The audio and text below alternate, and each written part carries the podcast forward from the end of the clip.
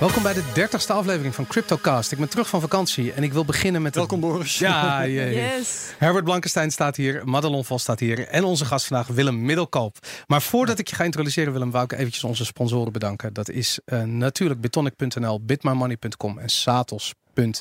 NL. En heel belangrijk, wij geven nu niet en nooit niet beleggingsadvies. Nog steeds niet, Boris. Nee, dat nee, uh, doen we dat niet. doen we gewoon niet. Nee, het spijt me. Dat, uh, zelfs, zelfs, ik mag het niet. Nee, daarom, inderdaad. nee, nee, nee, nee, Als je het probeert, houden we je tegen. Top. Ja. Willem, um, uh, je bent hier onze, onze gast. je bent ondernemer, je bent journalist, je bent auteur van boeken zoals Als de dollar valt, um, The Big Reset, recent, recentelijk Patronen van Bedrog, die is net uitgekomen. Ik heb een linkje ook gezet in de, in de show notes.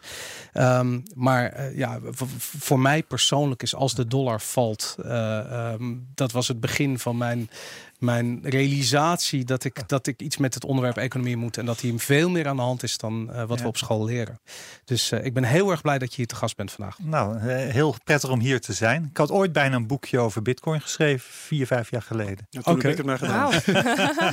en toen heb je gewoon heel veel Bitcoin gekocht, nou, toch? Nee, ik werd ge, er kwam, het voordeel is als je een beetje bekend bent dat altijd heel veel mensen je dingen opsturen. En zo ben ik ooit op het onderwerp peak oil gekomen. Ik heb een boek geschreven over olie en energie. Dat was al meer dan tien jaar geleden. Ja. Maar toen stuurde iemand me ook in 2010 een keer een mailtje van... heb je al gehoord over bitcoin?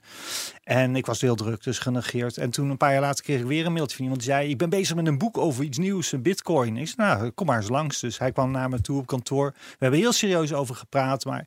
Ik heb het altijd zo druk met heel veel projecten. Ik was bezig met twee eigen boeken. Toen hebben we gezegd, nee, we doen het toch niet.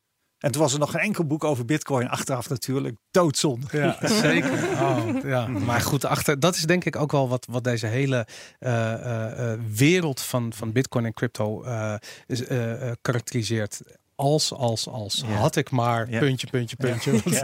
Dat, uh, maar de goed, tragiek van de gemiste kans. Ja, dat is het absoluut inderdaad. Dat zou misschien een goede titel voor een volgend boek Maar vandaag is de eerste dag van de rest van ons beleggersleven. Nou, dat en, is het hè. Je moet gewoon nu doen. Of, uh, datgene doen waarvan Juist. je over tien jaar zegt, goed dat ik dat toen gedaan heb. Alleen absoluut. je weet niet wat het is. Nee. Goed. Um, we gaan beginnen met uh, uh, tweetal tweets die ik zag binnenkomen. Um, de eerste is van een, uh, iemand die op Twitter goud vergelijken is. Het goud vergelijken. Um, en die is heel erg blij dat Willem te gast is. En die heeft ook gelijk twee vragen aan Willem. Um, en de eerste gaat eigenlijk niet eens over crypto. Die heeft de vraag: verwacht je nog altijd een herwaardering van de goudprijs? Overal waar ik kom, maakt niet uit welk onderwerp, gaat het weer terug naar goud. Ja, ik verwacht een herwaardering van de goudprijs. Als je patronen van bedrog leest, als je Big Reset leest, dan leg ik ook uit waarom. Um, goudprijs wordt gerevalueerd ten opzichte van geld. Hè? Dat is ja. net met bitcoin. Het gaat allemaal ten opzichte van geld. En waarom? Omdat uh, vraag-aanbod situaties simpelweg onhoudbaar. Als je ziet, uh, alle landen ten oosten van uh, Polen, die kopen massaal goud. Amerika en alle landen in het westen doen hun best om die vraag naar goud en die prijsstijging af te remmen. Maar goud zit sinds 2000 in een stijgende trend. En zolang geldcreatie doorgaat en steeds groter wordt, moet de goudprijs volgen. Dat leert de historie. En als het niet door de markt gebeurt, de vraag en aanbod, dan gebeurt het door de centrale bankiers zelf het initiatief zullen nemen tot een herwaardering van goud.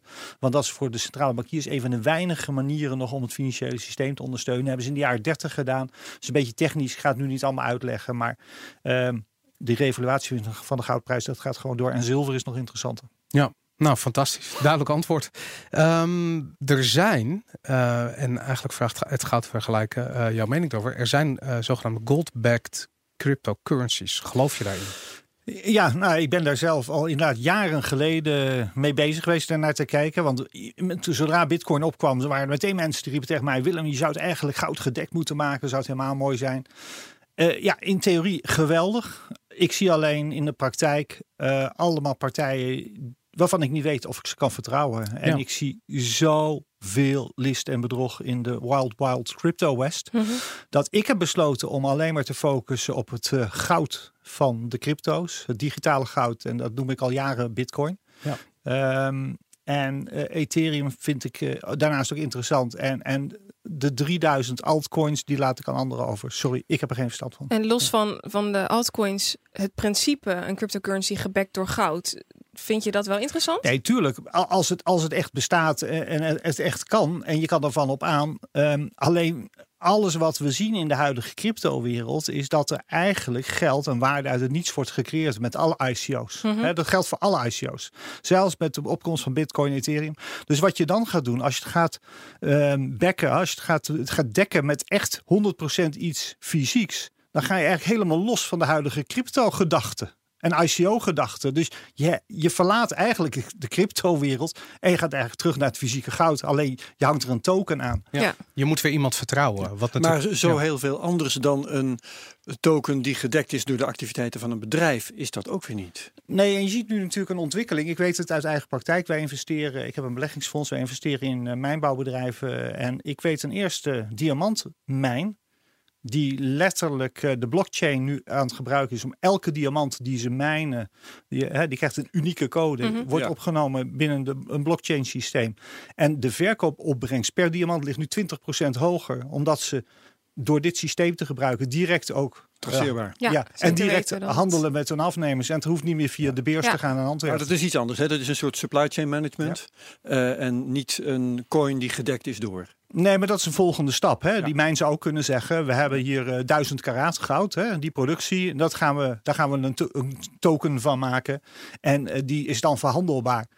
Um, ja. Waarom doe je het zelf niet? Ja, ik heb besloten al een paar jaar geleden om uh, te houden bij een paar dingen die, die, ik, ja, die ik toch redelijk goed kan. Um, waar ik uh, de, weg in weet. Um, de cryptowereld is een hele nieuwe. Ik heb besloten voor mij als ondernemer daar niet actief in te zijn. Ja, kan me voorstellen. Ja, duidelijk. Mhm. ik, ik heb ook altijd een beetje niet het idee dat zo'n zo'n zo'n zo'n gold-backed cryptocurrency eigenlijk niks anders is dan een, uh, dan een derivaat van goud, zoals er al zoveel gemaakt worden door banken. Dat is precies. Eh, we hebben al die ETF's, we kennen al die producten al, dus er is eigenlijk geen behoefte aan. En ik zie het alleen maar dat het wordt gebruikt als een marketing, hype, promotieverhaal om te doen alsof je iets hebt wat veel meer waard is of veel specialer is. Ja, nee, duidelijk. Goed, we hebben nog een tweet. Die is eigenlijk uh, meer gericht aan uh, Madelon. En uh, het is ook geen wonder dat dit onderwerp voorbij komt. Wat is er aan de hand? Vraagt Daniel Stalman. De afgelopen twee dagen. Het ging zo goed en toen donderde alles ineens omlaag. Heb ik wat gemist qua gebeurtenis, zegt hij. wat is er aan de hand? Ja, wat, wat, is er gebeurd? De koers is enorm gedaald. Duizend dollar. ja. In een 24 Ze noemen het ook wel een flash drop. Ja. Wat uh, nou ja, een kleine drop is ten opzichte van een flash crash, waarbij de koers echt naar enkele centen kan gaan. En um, ik heb even wat, uh, wat onderzoek gedaan, wat los van natuurlijk de technische analyse, die dit al weken van tevoren aan zag komen. Uh, niet. Dus. nee, niet. we zaten wel aan de bovenkant van de descending triangle. Ik heb dinsdag een stuk geschreven op IEX.nl waarin ik ook aangaf van, nou jongens, we zitten nu tegen die rand aan en het kan zijn dat we omhoog breken, maar die kans is heel klein door negatieve divergentie op het volume en op de RSI. Eigenlijk kun je dan zeggen, de markt zocht een excuus om te dalen. Ja, of iemand heeft heel erg gebruik gemaakt van de mogelijkheid die zich voordeed. Dat denk ik eerder inderdaad. Want er zijn uh, een viertal geruchten die nu de ronde gaan. Natuurlijk gewoon de indicatoren, uh, de, divergenties en dergelijke. Daarnaast uh, stonden er heel veel short posities uit. 74 miljoen dollar aan short posities. En we hadden nog twee andere opties. Goldman zou hier een rol in hebben kunnen spelen. Want er gaan hm. geruchten dat op het moment dat Goldman aangaf van nou, we gaan die trading desk uitstellen, dat toen de koers juist naar beneden gegaan is. ik weet het niet of dat ermee te maken heeft. Maar mhm. een andere reden die ik wel meer likely vind, is um, dat de fondsen van um, Silk Road, die al hele lange tijd vastzitten, dat die mm. on the run zijn gegaan. Er is wat gebeurd. Ja, ja en er zijn. Uh, er was een account van 800 miljoen. Uh, van, van uh, 100.000 bitcoins ongeveer ontdekt. Ja, klopt. Waaraan uh, gemorreld werd. Klopt. En daarvan is nu 15.000 bitcoin verplaatst naar drie verschillende exchanges. naar Bitfinex, naar uh, Bitmax en naar Binance.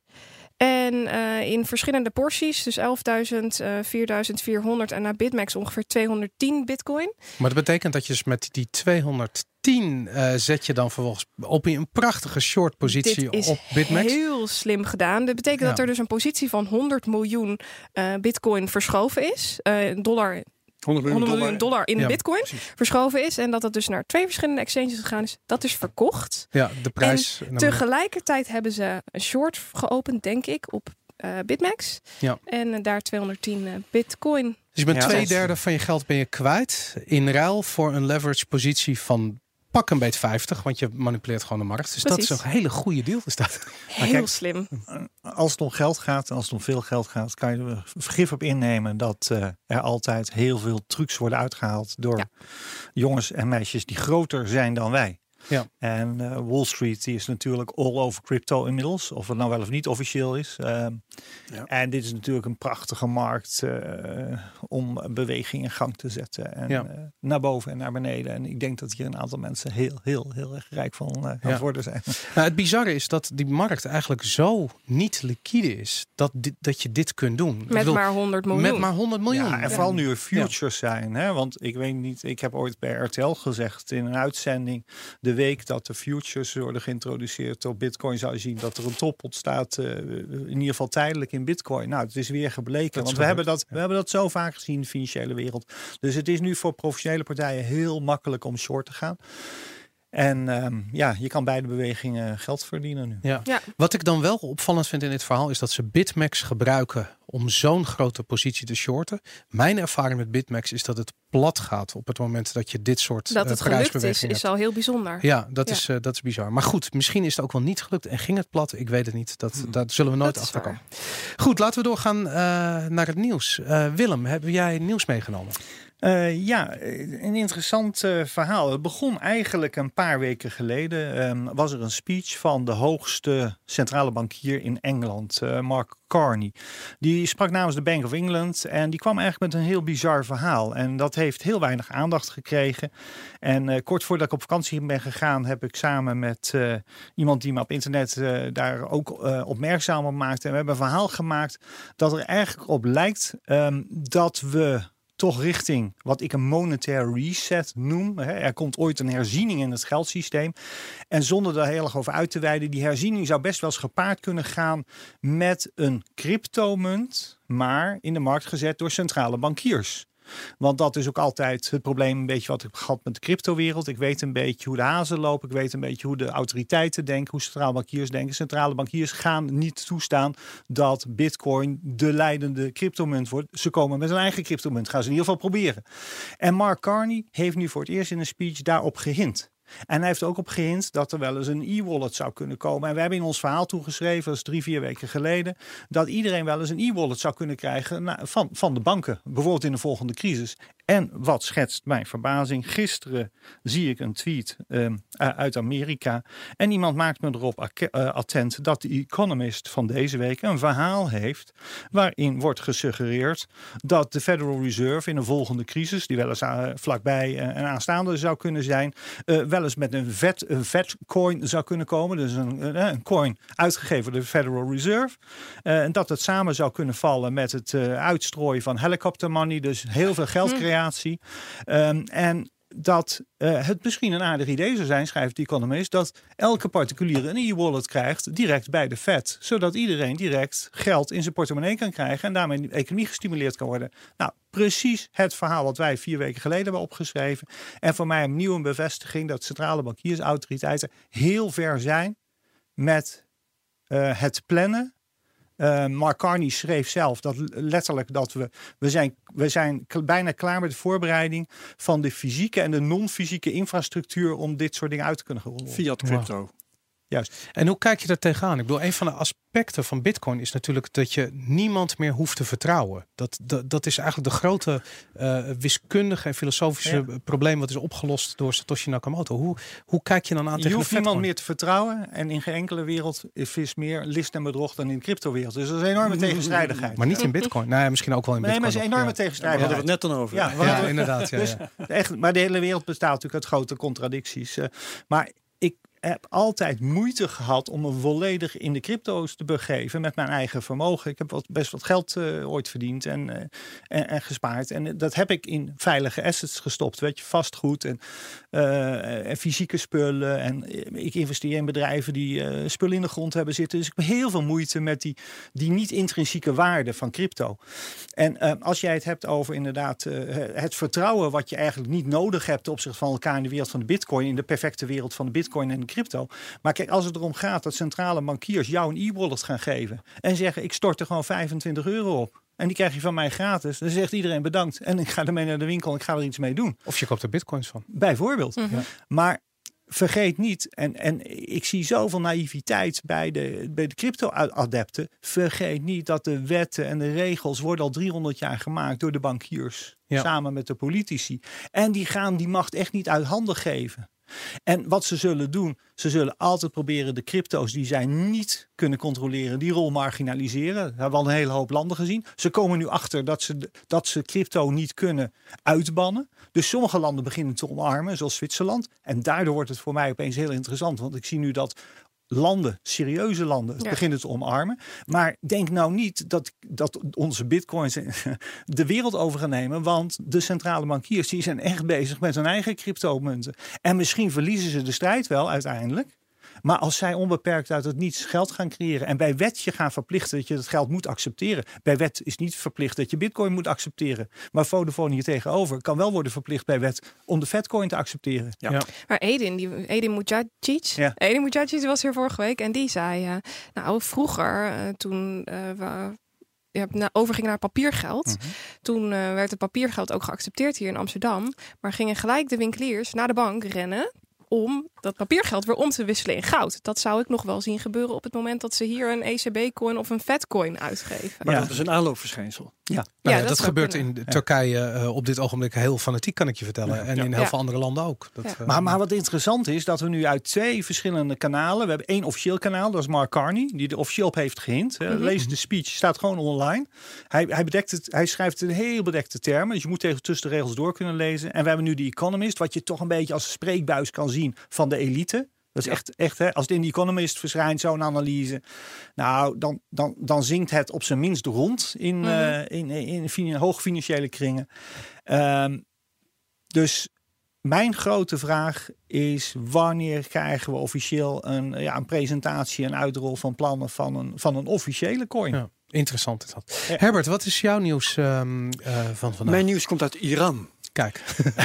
en uh, ik moet je bekennen dat ik het niet helemaal uh, goed kan interpreteren. Maar ik ga gewoon jullie vertellen wat ik uh, zie staan. op bitcoin.com en ook... oh, dit zijn twee berichten van bitcoin.com. Maar in ieder geval... Um, hier staat Iran officially recognizes cryptocurrency mining. En wat ik, uh, hoe ik dat recognizes, he, erkent uh, uh, crypto mining, hoe ik dat moet interpreteren, weet ik niet. Maar ik ga ervan uit dat het ongeveer betekent, ze, ze, verbieden het niet. Nee. Ze hebben officieel gezegd, wij, wij houden dat niet tegen. Ja. Um, het staat niet dat, het, dat het, de overheid het zelf gaat doen of uh, dat het in de wet komt te staan. Uh, dat maar het wordt wel geïnterpreteerd als een soort fiat van de ja, precies. overheid. Precies, ja. en dat had dan ook hele spectaculaire effecten. Want, um, en dat is ook iets wat ik niet goed kan duiden. Um, op de Iraanse cryptocurrency beurs steeg daarmee de koers van de bitcoin tot schrik niet 24.000 dollar. Ja. ja, ik heb me even Wat ik daar aan vind, moet ik even zeggen, uh, hoe kan dat nou? Want uh, als, je, als daar die prijs zo hoog is, uh, waarom gaan de Iraniërs dan niet gewoon via internet naar een beurs buiten het land? Maar ja, er zullen dus binnen, binnenlands wel dit is in de, Iran wordt dit is in de lokale currency en um, er is vanuit Amerika nu een behoorlijk, ja, wat, wat jij dat, precies. Ja. En um, in principe is Iran qua economisch verkeer heel erg lastig te bereiken vanuit Europa en vanuit Amerika. Ja, ja. En dat is waardoor je nu een, een verschil krijgt. Het is ook niet 24.000 dollar, het is 24.000 dollar in Iranese currency. Dus dat is okay. als je de Iranese ja, currency dat... omrekent naar dollars. En wat we ook niet moeten vergeten is dat er hyperinflatie is op dit moment nou, in Iran. En dat je dus Venezuela tafereelen krijgt. Precies, precies. Venezuela, Turkije, Argentinië, dat is waar we het allemaal ook vorige week over hebben gehad. Um, en dat maakt het extra interessant, ook al gezien ons gesprek met, uh, met Edin ja. Uh, vorige week. Dat um, in allerlei landen waar uh, dit soort economische problemen zich voordoen, dat daar die bitcoin aantrekkelijk Niet ja. toevallig allemaal landen die de vijand, de economische vijand zeg maar, van Amerika zijn. Hè? Dat geldt in ieder geval Venezuela en Iran. Ja. Ik, bes, ik beschrijf Turkije ook wel uh, Rusland. Sinds kort, ja. Ik beschrijf in mijn boek uitgebreid dat je een financiële economische oorlogsstrategie hebt vanuit Amerika. Ook dat weten we officieel. Een uh, medewerker van de Treasury die heeft een boek geschreven een paar jaar geleden. Die heet Treasury's War. En hij beschrijft van binnenuit hoe Amerika op een gegeven moment erachter kwam dat ze financieel-economische bommen kunnen ontwikkelen die veel schadelijker zijn dan welke non-conventionele of welke conventionele bommen dan ook. En Hmm. dat hebben ze getest eh, bij Iran door bijvoorbeeld Iran uit het SWIFT-verkeer te gooien. SWIFT-betalingssysteem, het internationale betalingssysteem, als je eruit gegooid wordt, kan je geen internationale betalingen meer doen. Iran is inmiddels terug in dat SWIFT-systeem. Maar dat is een enorme wa- eh, warning eh, eh, call geweest voor eh, een hoop landen die niet de vrienden zijn van Amerika. Dus China, Rusland, eh, dat soort landen werken nu aan een nieuw internationaal betalingssysteem, zodat ze SWIFT niet meer nodig hebben. Dus Maar de overigens, schermen. euh, euh dictatoren eh, die misschien niet in alle, op alle gebieden even competent zijn, die hebben toch Amerika niet nodig om de boel in het honderd te laten lopen. Nee, Kijk maar je, ziet, Venezuela nee maar, je ziet, maar je ziet, en dat is echt gedocumenteerd, dat Amerika heeft natuurlijk een ongelooflijke tracklist van regime changes. Dat Amerika in heel veel landen probeert het regime te vervangen. En Venezuela is extreem interessant door de olie. Iran is extreem interessant omdat het en een satellietstaat is van Sovjet-Unie, oude Sov- Sovjet-satellietstaat, waarvan we weten uit de verklaring van General Clark dat het eh, tot de zeven landen behoort waarvan Amerika al in de jaren negentig zei we willen een regime change hebben. Dus die financieel-economische oorlogen die zijn echt, die zijn reëel en die leiden vaak tot hyperinflatie in de landen die Ja. worden aangevallen. En een stuk eh, veiliger dan militair En, geweld. en voor daar, en vandaar dat de crypto's, de revolutie van de crypto's, op, het, het enorme succes van de crypto's, dat, dat komt vanuit dat soort landen, waarbij het normale betaalsysteem en, en de normale waarde van de valuta eigenlijk niet meer bestaat. En dan moet je wel naar crypto vluchten. Ja, dat werd gisteren op Twitter eh, gezegd. Eh, ik ik ben even de, de naam kwijt van de persoon die het zei, maar die zei van de use case van Bitcoin is niet Starbucks, maar het is Venezuela. Ja, veel steeds. Veel Ja. steeds, dat, Ja. dat is de use case. En Ja. we zullen steeds meer van dat soort voorbeelden Ja. zien. Ik zal nog een heel aardig voorbeeld, wat ik, eh, dat werd mij toevallig toegestuurd door collega Mark Beekhuis hier bij BNR. Ehm, er was een zekere at the Stalwart op Twitter, die eh, eh, twitterde een grafiekje van eh, het koersverloop van de bitcoin en het koersverloop van de Argentijnse peso. Ja. Eh, met het commentaar, eh, als je aan het begin van het jaar in eh, Argentinië eh, je pesos in bitcoin had gestoken, eh, dan was de bitcoin harder gedaald. Dus dan was je nog slechter af geweest met de bitcoin. Mhm. Eh, maar als ik naar dat grafiekje kijk, dan zie ik dat het alleen het geval was als je half december met je pesos bitcoin Ja. had gekocht. Elk ander moment, Ja. dus zeg maar even vanaf eind december of zelfs ook voor eh, begin december, eh, zou de peso harder gedaald zijn in waarde dan de bitcoin. Ongelooflijk. Madelon, heb jij nieuws meegenomen? Ja, ik heb een, eh, een nieuwtje meegenomen. En dat sluit eigenlijk heel erg aan op, eh, ja, op die flash drop waar ik het net over had. En ehm dit is wel grappig, want er wordt een link gelegd tussen artificial intelligence en het voorspellen van eventuele koersdrops. En nu ehm, is er dus een, een, een soort van mechanisme. En ik zou het als indicator omschrijven zoals we dat ook in de technische analyse kennen. Maar dan op basis van het sentiment. En hier wordt het sentiment berekend aan de hand van eh, online verkeer. Dus hoe op Twitter wordt gereageerd, op Facebook en noem het allemaal maar op. En ehm, het wordt door middel van standaard deviatie berekend. Dus op het moment dat de koers uit eh, ja, het trendlijntje schiet, dan zou er eh, iets onverwachts kunnen gebeuren op de markt. En dat is wel heel grappig, want het gaat echt precies op. Er is één keer tot nu toe in de geschiedenis eh, geweest dat het niet opging. En voor de rest eh, klopt het dus dat de koers naar beneden gaat of omhoog. Als ik heb er- altijd zo'n dubbel gevoel ik over vind dit het soort dingen. heel raar. Nou, we- ik vind we het hebben- echt we heel hebben het over trading bots nou?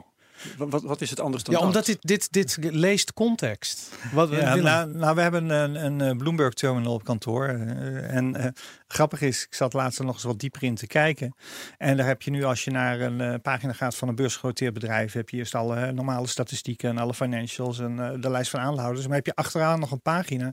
En dat heet eh, inderdaad eh, de social media bar- indicator of zo. En Bitcoin of ehm, eh, Bloomberg mm, brengt dus voor elk bedrijf in kaart hoe de tweet, de Twitter-activiteit is rondom dat Mhm. ene bedrijf, omdat je daar dingen uit af kan leiden. Dus eh, het wordt steeds serieuzer genomen, dit soort eh, Maar het is ja, dus op de basis van artificial intelligence. Dus het is een zelflerend systeem wat echt de emotie, het sentiment op de markt Ja. meet. Ik vind het heel vreemd doordat het überhaupt werkt. Ja. Maar het Maar idee Bloomberg is best gebruikt leuk. het dus ook. Ja, er is een website die heet eh, cryptopanic.com. En daar zie je ook Ja. worden sentimenten aan de hand van nieuwsberichten Ja, gelezen. Maar eh, als je dit soort inzichten, hè, de automati- geautomatiseerde inzichten, als je die gaat koppelen aan trading, Ja. krijg je dan niet gewoon eh, extra snel werkende tradingbots en extra snel optredende eh, self-fulfilling prophecies? Als het werkt wel, ja. En dus misschien een nog minder stabiele markt. Wellicht. Eh, waar, waar je wel rekening mee moet houden, is dat op het moment dat iedereen dan stakjes overgaat op zo'n bot en dan dus niet meer op social media actief is en zelf precies, dan zou het wel eens kunnen zijn dat niet meer. Ja, Maar Herbert kan je geruststellen, want er is altijd gezegd als de informatie zoveel sneller gaat, dan zal je zien dat beurscrashes zoveel sneller gebeuren. Mhm. Maar uit, ik ben een beetje student van, mon- van de financiële geschiedenis. Als je 300 jaar financiële crisis bekijkt, Mhm. dan zijn de karakteristieken van hè, een hype-markt en een crashmarkt Blijven die zijn altijd weer hetzelfde, procentueel. Dus de snelheid van nieuwsverspreiding doet er eigenlijk niet. Het gaat om het gedrag van de kudde. Ja. En het gedrag van de kudde, ja maar dat, dat, is wordt biologisch hiermee, bepaald. dat wordt hiermee wel gemeten, het gedrag Ja, van de kudde. ja. Dus het sentiment, zijn mensen in paniek of niet? Maar wij mensen zijn biologisch hetzelfde als 300 jaar Ja, geleden. tuurlijk. Dus wij, onze impulsen, hè, onze angst en eh, fear en greed, dat, Ja. dat werkt allemaal op dezelfde manier. Bizar. Er komt nu dus een kudde computers bij. En dat is waar ik me dan eh, van afvraag, wat zal daar het effect eh, van zijn? Dat is toch wel van de laatste pak een beetje 20 jaar. Ja, Ja, goed. maar de crashes zien er dus voorlopig niet anders uit. Behalve van Ja, die die hele flash crashes die flash dus wel. Ja. Maar dat zijn, dat zijn dingen die vaak in één dag gebeuren en daarna is Weer gecorrigeerd Ja, Ja. Ja, ja, ja. ja. Oké. Goed. Ja, ik had nog een klein nieuwtje en dat is dat eh, de website Shapeshift ehm, eist van data dat zij, eh, of van de gebruikers dat zij hun persoonlijke data eh, bekendmaken, registreren, overhandigen eigenlijk aan dat bedrijf. Terwijl het selling point van Shapeshift nou net was dat dat niet hoefde. Nee, inderdaad. Je, op Shapeshift is een website waar je heel makkelijk de ene coin kunt inwisselen voor een andere Met coin. één klik. Heel simpel werkt dat. Het is niet altijd even goedkoop, maar het Nee, is, het het is was 2, 3 procent of zo. Daarom, het is vrij duur, maar het is anoniem en dat is waarom mensen het gebruikten. Eh, dat anonieme gaat weg. Eh, op zich niet een grote ramp. De persoon achter Shapeshift, Eric Voorhees, is een eh, Bitcoin-figuur van het eerste uur die behoorlijk in opspraak is geraakt. ten tijde van de, van de hard fork vorig jaar. Hij was tegen Segwit en dat heeft hem ja, behoorlijk eh, zijn reputatie gekost.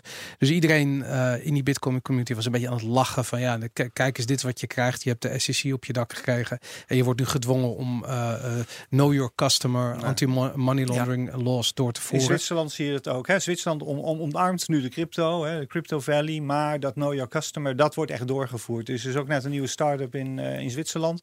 Die bezig nu een bankvergunning te krijgen. En die heeft gisteren of deze week bekendgemaakt dat ze ook een officiële regulering krijgen. Ze, ze komen in een heel licht regime, maar ze moeten wel anti-money laundering hè, laws, daar moeten ze aan voldoen. Ja. Dus ik denk dat dat, dat dat de nieuwe lijn wordt waarmee de, ja, de markt gereguleerd gaat worden. Ja. Ja. Ik zag ook een stuk over dit onderwerp, Shapeshift, eh, met verwijzingen naar een hele hoop soortgelijke diensten waar dus die eh, Know Your Customer nog niet voor zou gelden. Ja. Maar ik denk dat je de klok op gelijk eh, kunt zetten dat die ook voor de bijl gaan. Wat Ja.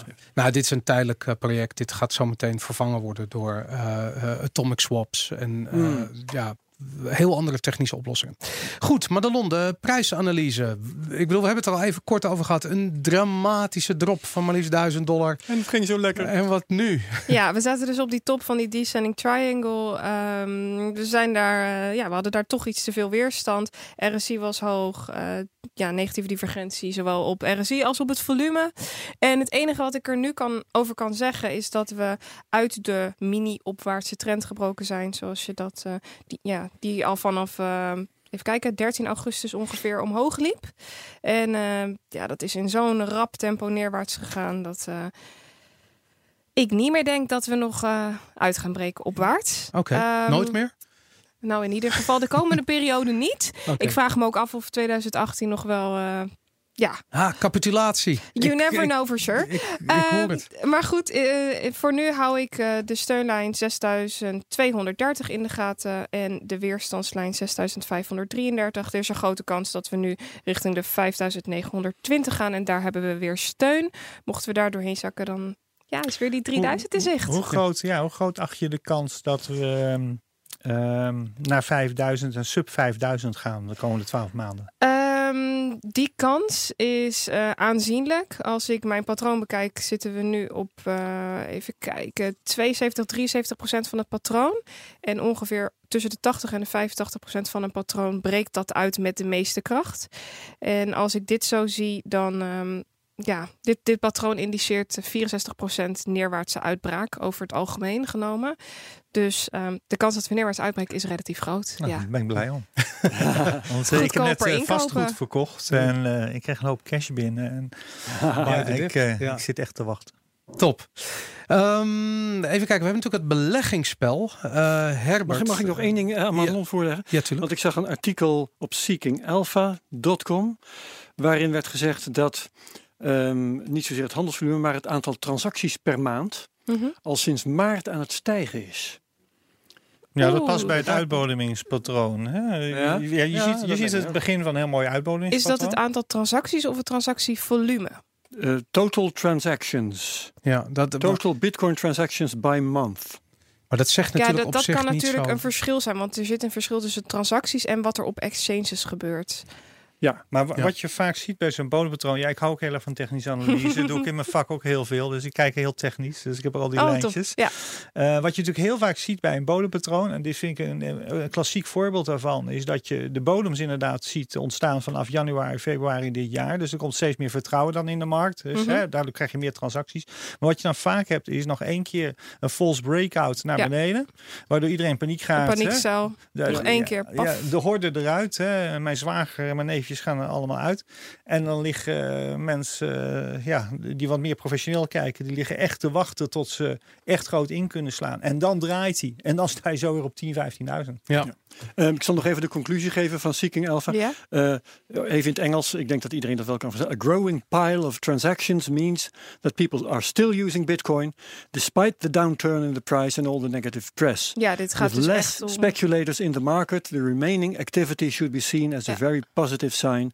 The actual user base of Bitcoin is growing again. Dit gaat dus echt om kopen en verkopen en Ja, gebruikers dit gaat niet onderling in over plaats van op. Maar kunnen, ja. kunnen we nu stoppen met doen alsof Bitcoin een betaalmiddel is? Bitcoin is een store of value. En dat is nu al zoveel vaak bewezen. La- Laten we het daar zo meteen over gaan hebben, want dat is de essentie van, eh, word, van ons ik word tweede. gek van die mensen die al tien jaar zeggen, maar we kopen pizza's met bitcoin. Je bent gek als je pizza's gaat kopen met bitcoin. Ja, ja, ja. Dat gaat nergens over, inderdaad. Dat ging je beleggen, hè? Ehm, nog heel eventjes, eh, die, ja, ik, ik, wil het van mij kort houden. Ehm, eh, als ik zelf mag beginnen. Ik sta, eh, vorige week stond ik op eh, 271 dollar van mijn oorspronkelijke 1000 dollar. Daar is nu 278 van over. En ehm, ik, eh, eh, ik denk dat paniek en capitulatie, dat zijn gepasseerde stations. Ik ben nu volledig gedesinteresseerd in mijn, mijn, mijn hoopje waardeloze troncoins. en ik, ik heb zoiets van Oh. veel plezier met jullie wedstrijd. Dit gaat nergens over. Jij, jij gaat, je hebt de hoop opgegeven. Je gaat ook niet meer daarmee. Nee, ik, ik kan nu een heel verhaal van als, als, als en wat ik Ja. had moeten doen. Weet je, ik, Nee, heb, zeker. ik heb gewoon een paar shitcoins gekocht en ik had het niet moeten doen. Stom geweest. Ja, nou ja, voor mij geldt ongeveer. het- Maar jij staat nu op 278 dollar. 278. Ik sta op 299. Tenminste, dat was vanmorgen. Ik sta nu weer eh 1 of 2 dollar hoger. Mhm. Ehm, ik sta geloof ik op 301. Oh, Eh, mag, mag ik daar in, even op inhaken? Ja. Ik, ik had een, eh, laatst een, een toch gewoon bijzondere ontmoeting met een fundmanager van een cryptofund. Ik zag geen namen noemen. Ehm, en toen vertelde hij me tot mijn grote verbijstering dat het fonds vol zit met crypto's, maar niet één bitcoin. Dan weten we allemaal welk fonds dat is En, inmiddels. nou ja, goed, ik ga geen namen noemen, maar als je nou iets leert van de financiële geschiedenis, hè, je hebt het over crashes. Ja. In de crashes, het enige wat minder daalt, is die ene grote ja, asset binnen die asset class. Mhm. Dus goud zal minder dalen dan zilver. Bitcoin zal minder dalen dan eh, shitcoin. Ja. En je hebt je hele fonds vol met shitcoins. Ja, dat is iemand die er niet zo lang in zit. Waarschijnlijk pas begonnen rondom de... Dat is mijn profiel ook. Ja, nee, de tweede gedeelte van ik was 2017. Ja. Ja. Dan kan je dus echt 99,9% van je vermogen verliezen. Ja, ik zit nu denk ik drie jaar dat ik echt actief bezig ben met praten met mensen rondom Bitcoin. En ik ben bijna dagelijks verbaasd over het gebrek aan kennis. Ja. En dat is echt bizar. En in het begin was ik zelf heel bescheiden. Omdat ik zei, van, wat weet ik er nou van? Ik ben geen econoom, weet je. Ik ben geen, ik ben geen programmeur. Wat weet ik ervan? Tegen mij deed je al net alsof je er niks van wist.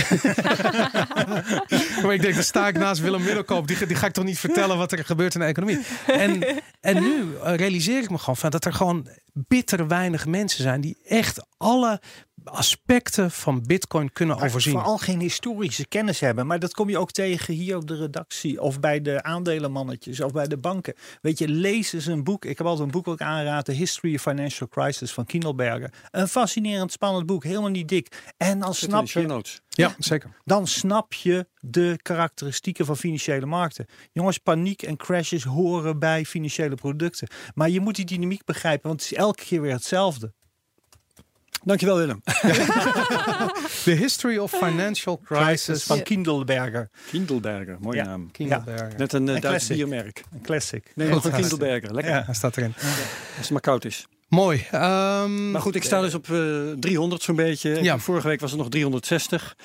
Ja, we zullen wel zien. eh, maar ja, weet je, Willem, eh, dat, dat is ook weer een verhaal van eh, dit of dat had ik moeten doen. Ja. De vraag is wel, als we nu dicht bij de bodem zitten, wat, wat ik toch steeds meer hoor. eh Vooral bij Bitcoin. zien. Wat zeg je? Vooral bij Bitcoin. Vooral Niet bij voor Bitcoin. de shitcoins. Hè? Nee, want dat is nou net de vraag of die eh, als, als eh, de markt gaat herstellen, wie er dan het hardste Die doen. eindigen als Namecoin en Feathercoin. Ja. Of, of, La- la- laten we daar ja. een Ja. uitzending over gaan maken. En terugkijkend op, de, op de volgende bullrun Ja, die ja, gaat komen. ja, en kijken ja, wat er dan gebeurt. Oké. Ehm Madelon, jouw eh, beleggingsstand is... eh, ehm, ik bedoel, in deze woestijn ben je een oase van, van welvaart. Want je, je hebt... eh, eh, 761 dollar en 41 cent van de originele 500 dollar waar ik mee begonnen oh, ben. je hebt Dat het ook wel een beetje, hè? Dus het is niet eh, ja. fantastisch, maar het is oké. Ik zit nu eh, in Bitcoin. eh, ik heb een beetje in dollar staan en een beetje in Litecoin en Ethereum. Wil je met Tron kopen? Nou, nee. Heb je met het kelderen eh, deze week ook wat bijgekocht? Eh, ja, ik heb eh, Litecoin en Ethereum net bijgekocht. En Bitcoin eh, heb ik niet bijgekocht. Ik heb alleen Bitcoin verkocht. En dat was maandagavond, denk ik, dat Best ik Bitcoin goed. verkocht Oké. heb. Ja, moment. Ja. 7200 Oké. of zoiets? Eh, ik, ik kan het opzoeken. Nou goed, dat hoeft niet per se. Maar dat 7243. ongelooflijk. Nou, niet gek. Geweldig. Goed, we gaan praten met Willem Middelkoop. Nee, wacht even. nog even de 100 oh, dollar da- per sorry, week. de 100 dollar in de week. Want eh, ja, Madelon doet het goed. Maar ik, ik zal niet zeggen dat ik het goed doe, maar ik ben wel tevreden. Ja. Want ik heb weer een goedkope week. Ik heb ingekocht op 6432, eh 6433 dollar. En eh, nou ja, om een lang verhaal kort te maken, ik sta nog steeds in de min een procentje of 11 zo te zien. Maar eh, ja, goed, ik koop goedkoop in. En als de boel aantrekt, dan, eh, dan eh, ga ik daarvan profiteren. Goed, het eh, dollar cost average eh, strategie van Herbert. Ja. Eh, ik ben heel benieuwd hoe dat aan het eind van het jaar Ja. gaat zien. Ja, ja. Oh, en ik- ik heb ook al besloten trouwens dat als de, de koers herstelt en ik kom op een mooi hoog punt, Ja. pak een beetje, stel dat de bitcoin weer eens 10, 20.000 wordt, dan ga ik eh, laten zien hoe dat microcashje werkt, waar ik jullie Oh ja. in de eerste uitzending van de CryptoCast al heb, over heb verteld. Elke week of elke maand een procent eraf halen, weet je wel. Dat oké. wordt dan heel Ik spannend. dacht dat je bedoelde dat je die micro-winst gaat uitcashen. ja. nee, maar nee. ik, ik zal ophouden met mijn cynische... Kijk, je kunt je leven lang blijven inleggen, maar eh, natuurlijk wil je op een gegeven moment wil je profiteren van, van je winst. En eh, daar heb ik dus ook een strategie voor, maar dat is Duidelijk. later zorg. Goed. Willem Middelkoop, journalist, ondernemer, auteur. Eh, recentelijk heb je Patronen van Bedrog eh, geschreven. eh, maar eh, in iedere eh, instantie natuurlijk eh, de Big Reset. En heel belangrijk, als de dollar valt. Het boek kwam in 2007 uit. En daar voorspelde je eigenlijk een grote crisis. Die volgde, eh, nou het boek, de, de inkt was nog niet opgedroogd. Ja. En eh, ze- je was Nou. ook niet meer weg te eh, jagen bij alle talkshows en alle eh, financiële Nou, programma's. heel, mooi, heel mooi verhaal over die beginperiode. Ik voelde een enorme urgentie in 2005, 2006 om dit boek te schrijven. Want ik had enorme haast, want ik was bang dat ik niet op tijd klaar zou zijn voor de crisis. Ik werkte toen nog bij RTL Z. Ik waarschuwde veel. Bij RTL Z werden ze gek van me, want Willem bleef me waarschuwen. Ehm, ik had dus zelf redelijk veel vastgoed in Amsterdam opgebouwd in de jaren 90. Heb ik allemaal verkocht rond 2003, 2004, omdat ik bang was dat ook huizenprijzen zouden gaan dalen. Ik was een aantal jaar te vroeg. Uh, maar toen het boek uitkwam, was augustus 2017. En ik weet het nog heel goed. Toen bestond het woord kredietcrisis niet. Want we moesten een, een, een, ondertitel voor de cover van het boek hm. verzinnen. En ik weet nog dat we in de auto reden. Ik had toen nog kleine kinderen. En toen kwamen we op het woord kredietkracht. Want kracht was het woord van oh. de jaren 30. Dan zit je de jaren dichtbij. Ja, ja, ja. ja. En, en toen hebben we nog net en toen kwam voor het eerst het woord kredietcrisis, las ik ergens. En toen hebben we dat nog net aan kunnen passen, geloof ik, voor de eerste of de tweede editie. Maar dat dat woord niet bestond, moet je je voorstellen. En, en ik schreef op de achterflap, toen was augustus 2017, van het is niet de vraag of dit financiële systeem implodeert, alleen wanneer. Ja. Nou, ik werd uitgelachen. En toen een jaar later, toen, hè, want eerst begon de kredietcrisis, maar pas een jaar later stortte Lehman om. Mm-hmm. Je gaat nu straks die terugblikken krijgen tien jaar na Lehman, want ja. dat is allemaal komende weken. Ja, ja, begint al. Ja. En, en mijn boek had redelijk verkocht de eerste maanden, waren vier drukken. Maar toen Lehman omviel, toen werd ik ontdekt door de mainstream media. En toen zat ik in tien avonden achter elkaar. Zat ik, um, uh, zat ik bij, bij Pauw en Witteman en bij uh, De Wereld Draait Door. En toen begon het boek pas echt goed te verkopen. En zijn uiteindelijk 17 drukken van gedrukt. En 25.000 exemplaren verkocht. En het bizarre vind ik dat het eigenlijk vandaag de dag, tien jaar na die crisis, weer actueler is dan, het, dan, dan ooit. Er Nou, is niets veranderd. Nog sterker als je het boek leest. Ik heb het laatst zelf teruggelezen. Nou, ik, je hoeft, ik hoef bijna niks te veranderen. Nee, het is, is dat niet. Het is, het is zo bizar, maar wat, het meest, wat mij het meest gechoqueerd heeft werkelijk, en ook gefrustreerd, dat afgelopen jaar merk ik precies dezelfde houding bij mensen ten opzichte van dit onderwerp, maar ook ten opzichte van mij, van Willem, waar lul je nou over? Als tien jaar geleden. We zijn het gewoon collectief vergeten dat het systeem toen instortte. We zijn vergeten dat Ford en General Motors stortten in. Die zijn met overheidssteun Ja, omhoog gehouden. ja, ja, ja, we zijn vergeten dat de hele Amerikaanse hypotheekmarkt was ingestort. Fannie Mae en Freddie Mac. We zijn vergeten dat de grootste verzekeraar ter wereld, AIG, Ja. omviel. Ja. We zijn vergeten dat half Wall Street gewoon weg was. En in Nederland, de ABN, de ING. Egon, Ja, ja. Ja, het is niet te geloven, maar diezelfde, dezelfde mannetjes die voor de crisis bij, bij RTL Z een beetje uitlachten van, hè, ik kon ze nog tegen hoor, van de bank. En ze zitten er nog steeds, die chef-economen, dezelfde. En ze praten nog steeds op dezelfde arrogante manier. ja. Ik vind, Ongelooflijk. ik- ik- Ongelooflijk. Ik realiseerde me toen niet ehm, dat je eigenlijk heel erg de Oostenrijkse school aanhangt. Ik bedoel, je, je wijst inflatie aan als een van de belangrijkste oorzaken van zo'n crisis. Ehm, zeg ik dat goed? Eh, ja, nou ja, Voltaire heeft dat ooit gezegd, de filosoof. Ongedekt geld gaat altijd per definitie terug naar zero. Mhm. Ja. Het, het kan een tijdje duren. In Venezuela zie je het gebeuren, hier anders gaat het gebeuren. Ja. Eh, het, het- als je de financiële geschiedenis bestudeert, er zijn 254 ongedekte geldsystemen, fiat currency systemen, zijn gewoon geëindigd. Ja. Of de hyperinflatie of de oorlog. 254 keer. En dan denken wij dat het 255 keer wel gaat lukken. Gelukkig is er nu een nieuwe generatie van de millennials. Hè. Ik ben nog een beetje van de oude stempel. Dus wij vluchten gewoon naar fysiek goud en zilver en vastgoed. Maar de millennials die hebben daar minder mee. En die zeggen van, hé, hey, die crypto dat is leuk. Want dat is, hè, dat is fiat, maar dan op een andere manier. Maar het is in ieder geval niet gecontroleerd door centrale banken.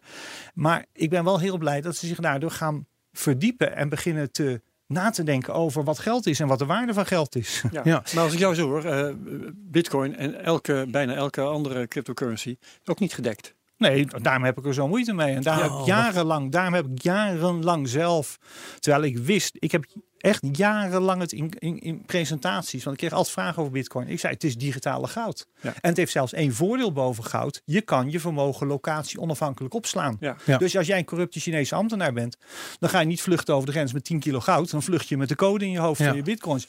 Maar omdat ik zelf goud en zilver kocht en dat soort dingen, dacht ik, ik heb het niet nodig. Maar Wat, is die omslag geweest? Sorry, ja, we praten met elkaar. Herbert. Voorspel jij nou wel of niet dat de bitcoin naar nul gaat? Nee, want ik, ik ik had mensen om me heen die zeiden van die, die, die bitcoin gaat, gaat naar nul.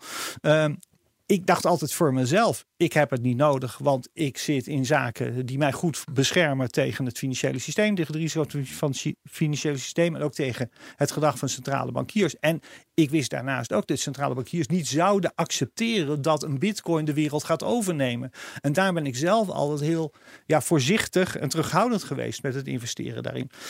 Maar wat we nu zien, en dat is echt, dat is zo van cruciaal belang. Afgelopen jaar hebben we gezien dat er een massale acceptatie kwam door de massa van crypto's. En daarop konden overheden twee dingen doen.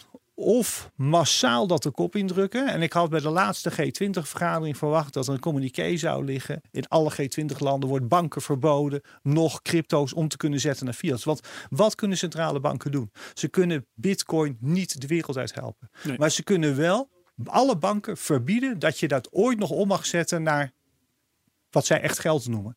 Dat hebben ze niet gedaan. Binnen G20 is geen unanimiteit gekomen voor dit optreden. Nog sterker, we hebben gezien dat een aantal landen, nou Zwitserland zit dan niet in de G20, maar je hebt gezien dat een aantal landen crypto's beginnen te omarmen. En dan wordt het extreem interessant, want dan gaat het risico dus wegvallen dat er een grote gecoördineerde wereldwijde operatie komt tegen crypto's. En er zijn een aantal landen die natuurlijk wel heel nerveus zijn en die wel hebben gezegd tegen banken, je mag er niet aan meewerken. Mhm. Ja, maar ook Canada bijvoorbeeld. Mhm. Maar die gaan het verliezen, want ze merken als Zwitserland om, omarmt. Kijk, Zwitserland heeft een paar, een paar dingetjes in hun bedrijfsmodel zijn ze kwijtgeraakt. Hè? Ze zijn geen geheim. tax haven meer. Ja. Dus Zwitserland is op zoek naar een nieuw bedrijfsmodel. En als die dit zien als een leuke niche en die gaan dat ontwikkelen, ja, dan kan eh, China nog zo op op zijn kop gaan staan of Canada, maar dan vlucht, dan vlucht al dat crypto geld naar Zwitserland. En dat En is- ik denk, ik denk dat we nu de cruciale omslag hebben gemaakt. En dat zie je ook door alle investeringen vanuit eh, de financiële instellingen nu. En vanuit venture capitalist. Er gaat nu zoveel geld richting de ontwikkeling van een crypto-infrastructuur. Dat je, of ik heb nu voor mezelf besloten dat crypto wordt een nieuwe asset class. Naast aandelen, obligaties en vastgoed. Is er gewoon een nieuwe asset class ontstaan en dat is crypto. Zoals house muziek ontstond naast de rock, roll en de disco. Op een gegeven moment was er house. Het was niet een hype. Dat bl- blijft gewoon bestaan. Hè? Dance, house. En zo heb je dat dus in de financiële wereld ook. Crypto is gewoon een nieuwe asset class. En dan wordt het heel interessant. Want in die financiële wereld klotst 300.000 miljard rond. Op zoek naar rendement. Maar even voor de Dus duidelijkheid. dat is dan. Oh, sorry. Bitcoin of crypto? Crypto. Nee, crypto wordt een nieuwe asset class. Ja. En bitcoin is het goud binnen die asset class. Oké. Want Ja? dat is dan wel het verschil wat jij dan nu schetst tussen een store of value en tussen geld. Want alles wat het geldsysteem, als dat ongedekt zou zijn, dan zou het dus naar nul gaan. Maar jij ziet dan dus eh, Bitcoin als meer als een store of value dan geld. Ja, het, ja, het, het is heel verwarrend. Kijk, geld moet. De, dus de klassieke definitie van geld is, moet aan drie dingen voldoen. Ja. Het moet hè, een medium of exchange zijn. Je moet Mhm. mee kunnen betalen. Het moet een store value zijn. Hè, dus dat je weglegt voor later. En een unit of account. Dus je moet ermee kunnen boekhouden. Ehm, kijk, Bitcoin eh, voldoet eigenlijk nu aan al die drie. En andere cryptomunten ook. Natuurlijk is Bitcoin ongedekt. Maar dat geldt ook voor, het, voor ons fysieke geld. Ons cashgeld Mhm. onze deposito's.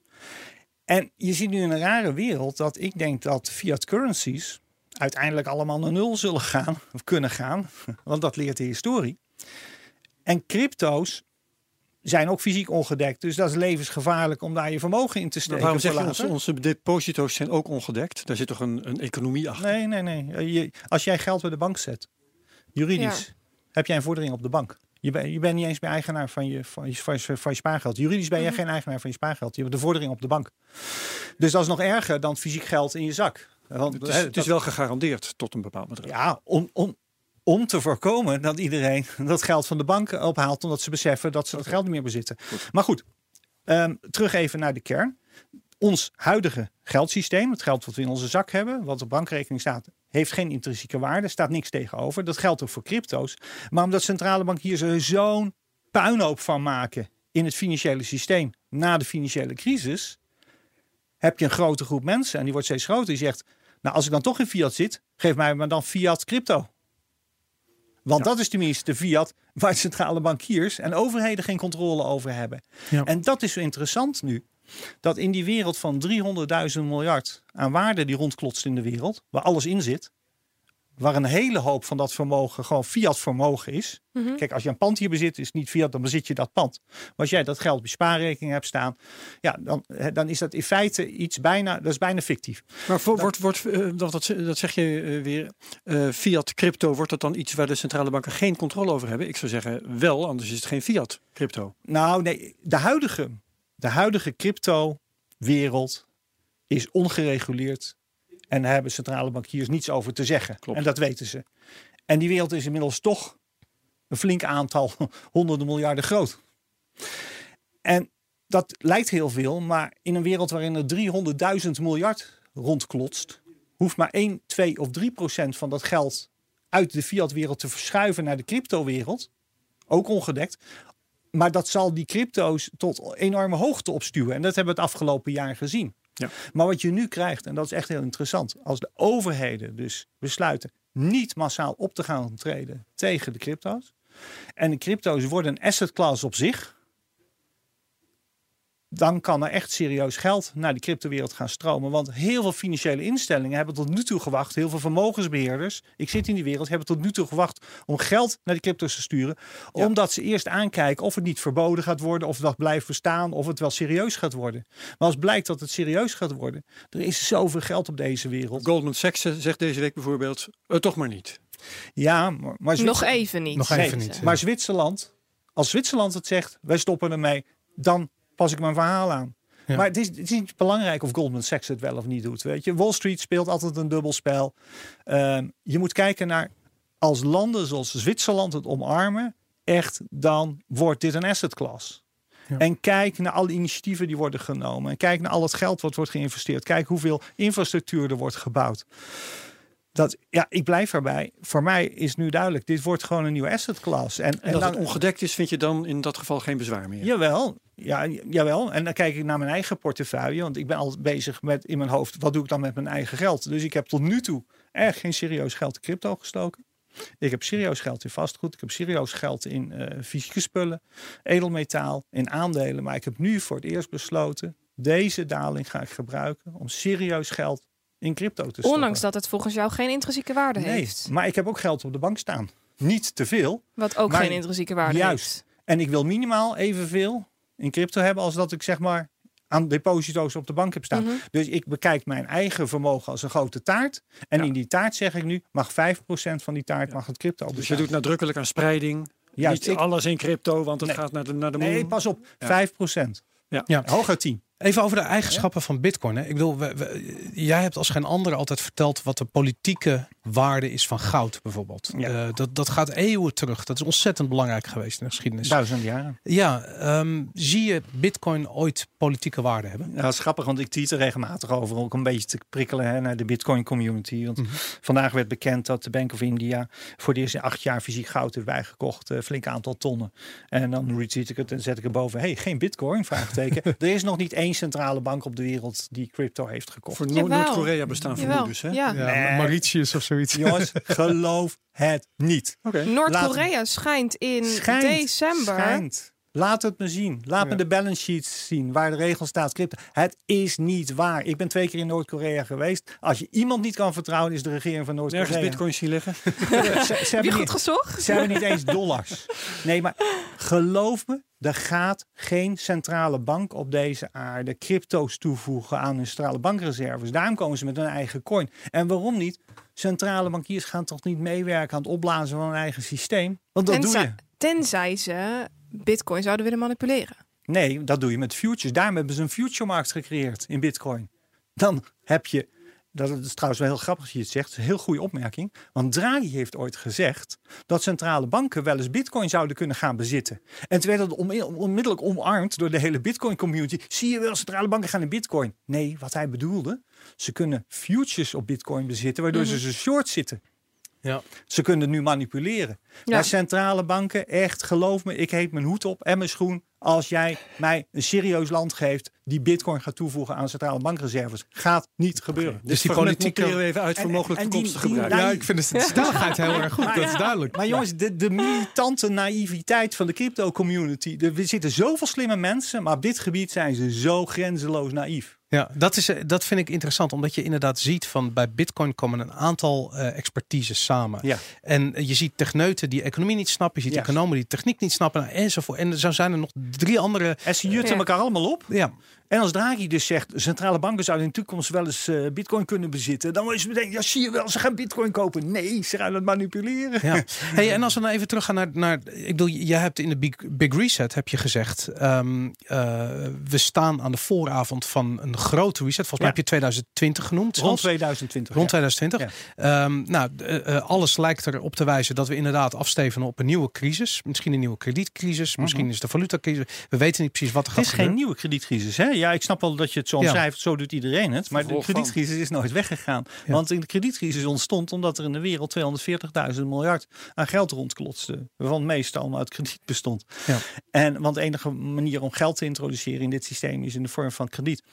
En eh, nu is er geen 240.000 miljard op aarde, maar is er 300.000 miljard op aarde. Dus als er een kredietcrisis was in 2008 omdat er te veel schuld was, nou, dan hebben we nu helemaal eh, een, een, een, een crisis met, door te veel schuld. Maar die schuldenberg is dus dezelfde, is alleen maar gegroeid. Dus de oude schuldenberg is nooit, of de oude kredietcrisis is nooit opgelost. Ja, en denk je dan dat, dat Hij is onder het tapijt geschoven.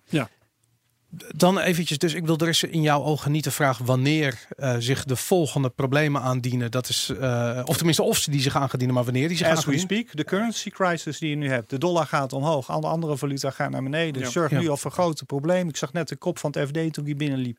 Valutacrisis slaat over op aandelen. Ja, hey, Bitcoin heeft nog nooit een crisis meegemaakt. Nog nooit een crisis. ik wil, het is gecreëerd uh, in 2009. Um, ja. Hoe denk je dat Bitcoin zich gaat gedragen nou, bij die volgende grote ik, reset? Ik vind dat uh, Bitcoin en crypto wel crisis hebben meegemaakt. Ja, oh, je bedoelt, zelf. Oh, je bedoelt hoe ze reageren op een grote ja. wereldwijde ja. kredietcrisis. Oh, dat, is heel, dat is heel makkelijk. Um, want daarvoor hoef je alleen maar te kijken naar hoe Bitcoin en crypto zich hebben gedragen in landen die wel die crisis al hebben meegemaakt. Iran, Venezuela. Ja. En dan zie je, en Turkije.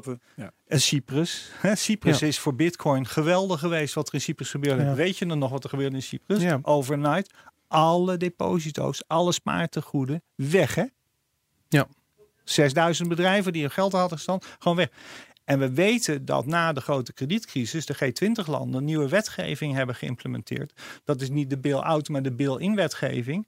Dat zegt niet zoveel mensen wat, maar bail-out betekent als er iets fout gaat dat je geld van de overheid, van de belastingbetaler gebruikt om het systeem te redden. Bail-in mhm. betekent dat je geld van de spaarder, de obligatie, obligatiebezitters en de aanhouders gaat gebruiken. En als mensen dat doorkrijgen, nou, dan vluchten ze zo hard ze kunnen naar goud, zilver, maar ook naar bitcoin, naar crypto. Ja. Dus bitcoin zou dan een safe haven kunnen ja, zijn? Ja, nou, en we hebben het al, we hebben het bewijs daarvoor in Venezuela, in Iran, in Turkije. Dus je weet precies wat er kan gaan gebeuren. En daarom begin ik nu ook serieus geld hierin te steken, omdat um, ja, het zou best kunnen dat inderdaad Bitcoin. En Bitcoin heeft op zich een hele mooie ontwikkeling al doorgemaakt. Hè. Bitcoin heeft niet een financiële crisis meegemaakt, maar Bitcoin heeft wel twee crises zelf al meegemaakt, of drie crises, waarbij er 90% van afging. En je ziet dat die markt, en dat weet je ook als technisch analist, je ziet heel vaak dat patroon. Hè. Stijgingen is een drie grote golven, een crash, een tweede grote golf, een crash. En ik denk dat de derde grote golf hè, in de Elliott Wave telling, mhm. zeg maar, die je naar de vijf brengt, dat die moet nog gaan beginnen. En dan zie ik Bitcoin inderdaad niet alleen technisch, maar ook fundamenteel naar 100.000 dollar gaan. En daar wil ik heel graag rond de 5.000, 6.000 kopen. En met 3.000, 4.000 koop ik nog veel meer. Maar nog even voor de goede orde, dit is geen beleggingsadvies. Het is een persoonlijke strategie van Willem Juist, juist, ik, ja. uh, ik, ik, ik ben, sta ademloos te luisteren. Ik vind het fantastisch. Maar, maar jij weet hoe kritisch ik altijd was over, over uh, bitcoin en crypto. Juist omdat ik verwacht dat die G20 echt er gehakt van zou maken. Ja. En ik heb echt die ommedraai gemaakt. En jij hebt daar ook wel een beetje bij geholpen. We hebben er veel over gediscussieerd. En ik ben er heel veel over na gaan denken. Maar ja, dit, ja, alle seinen beginnen toch echt op groen te springen. Ja, en ik, ik blijf er namelijk bij dat ik, dat ik het gevoel heb dat Bitcoin namelijk op een gegeven moment wel die uh, politieke waarde kan krijgen. Kijk, waar we het mhm. net eventjes over hadden, was namelijk dat of Bitcoin wel of niet intrinsieke waarde heeft. En het is een discussie die ik echt, ik heb hem tot in de treuren online gevolgd tussen allerlei mensen. Wij hebben hem gevoerd, heel veel mensen hebben hem nog gevoerd. En ik denk uiteindelijk, kijk, je hebt gelijk. Hij, heeft de miningwaarde. De miningwaarde is de intrinsieke waarde. Dat, dat is dat toch intrinsieke waarde. Maar, maar ik denk, ik ben uiteindelijk tot de conclusie gekomen: er zijn meerdere soorten waardes die een asset class kan meegeven. Want wat is miningwaarde? Nee, de energie nou, die erin zit. Ja. De oh, kost om het te maken. Ja. Dat is eigenlijk de economische waarde. We hadden op Twitter nog even een leuk grapje. Ja. Hè, van, hey, maar Willem, jij over bitcoin heeft geen intrinsieke waarde. En dan zei ik van nee, maar het heeft een economische waarde om een aantal redenen. Dit is er één van. Ik geloof daar heel erg in. Ik ben fulltime bezig in de miningwereld. Hè, in de oude miningwereld. Ik heb mhm. een, een, fonds wat alleen maar in mining belegt. Dus ik ben er heel erg bekend met dat mijn, concept. Mijn, mijnbouw. mijnbouw, precies. We hebben investeringen in, in 200 bedrijven die metaal in de grond hebben zitten. Dus, gewoon hakken en breken. Ja, dus dat is mijn wereld. En daarom ken ik die digitale uh, miningwereld, dat begin ik over redelijk te begrijpen. En ik snap dat dat inderdaad een economische waarde vertegenwoordigt. En dat dat eigenlijk die munten bijna een intrinsieke waarde meegeeft. En daarom verkies ik er nu ook voor om crypto's te gaan kopen, om bitcoin te gaan kopen, boven het fiat geld. Omdat crypto begint nu interessanter inderdaad te worden dan het fiat geld. Ja. Ook omdat bitcoiners kunnen natuurlijk op maximaal 21 miljoen gemijnd worden. Maar we weten ook dat er iets van 14, 15 procent zijn verloren gegaan. Ik ben zelf ook wel zo'n bollet kwijtgeraakt. Ja. Weet je, er zijn straks nog maar 12, 13 miljoen bitcoin in de handen. Misschien wel minder, ja. En, en 11 miljoen zit vast bij, bij de hodlers. Dus ja, Zeg maar, heb, heb jij, als je dit besluit hebt genomen, zit je dan niet te knarsen tanden? Als ik vijf jaar geleden duizend euro had uitgegeven, dan had ik nu geen miljoen hoeven uitgeven. Nou, maar dat is, dat is nog veel erger. Ik had uh, Paul Buiting, kennen jullie misschien Ja. wel. Mhm. Ja, Slimme jongen. Hopelijk Die- snel te gast hier. Die, die tipte mij twee jaar geleden, ik weet nog precies, april 2016, Ethereum te kopen. Toen ben ik me in gaan verdiepen. Toen zag ik eh, wat video's van die Vitalin. Ik denk, nou die gozer is geniaal, dat zag je meteen. En ik heb het getweet, deze gozer is geniaal. Dus ik ben een wallet gaan downloaden. Maar dat duurde drie dagen, het was hij nog niet klaar. Ja, en ik was heel druk. En gelijk toen stond, dit is een toen stond hij zes. Toen stond hij zes. Zes dollar. En ik wilde er 10.000 euro in stoppen. Ik was drie dagen bezig die wallet te downloaden. Maar goed, ik ben geen Herbert. En ik denk, weet je, dit is te technisch voor mij. Dit werkt niet. Maar goed, zo heeft iedereen dat verhaal. Maar ik heb nu besloten om deze daling af te wachten. Daarom ben ik zo aan het kijken of we uitgebodemd zijn. Mhm. en, want wat er toen is gebeurd, is maar een, denk ik, een voorspelling van wat er nog gaat komen. Hmm. En als je technisch naar de beeld kijkt en je kent parabolische lijnen en alles, ja, 100.000. Ja, het is, bijna, Ja. nou, het is niet mogelijk, het is bijna gegeven. Maar, je- maar mogen we nog heel even terug naar het intrinsieke eh, waardeverhaal? Als ik kijk naar goud en bitcoin. eh, goud kost geld om dat uit de grond te halen. Ja. Bitcoin kost geld om te minen. Misschien ligt het Mhm. aan mij omdat, ik, ja, omdat wij als millennials de waarde, online waarde makkelijker kunnen definiëren. Dan is intrinsieke waarde van goud toch eigenlijk equal to de intrinsieke En- waarde van bitcoin. Klopt, nou klopt. En wat, wat interessant ook is, wat je ziet, als goud corrigeert, en goud heeft heel hoog gestaan.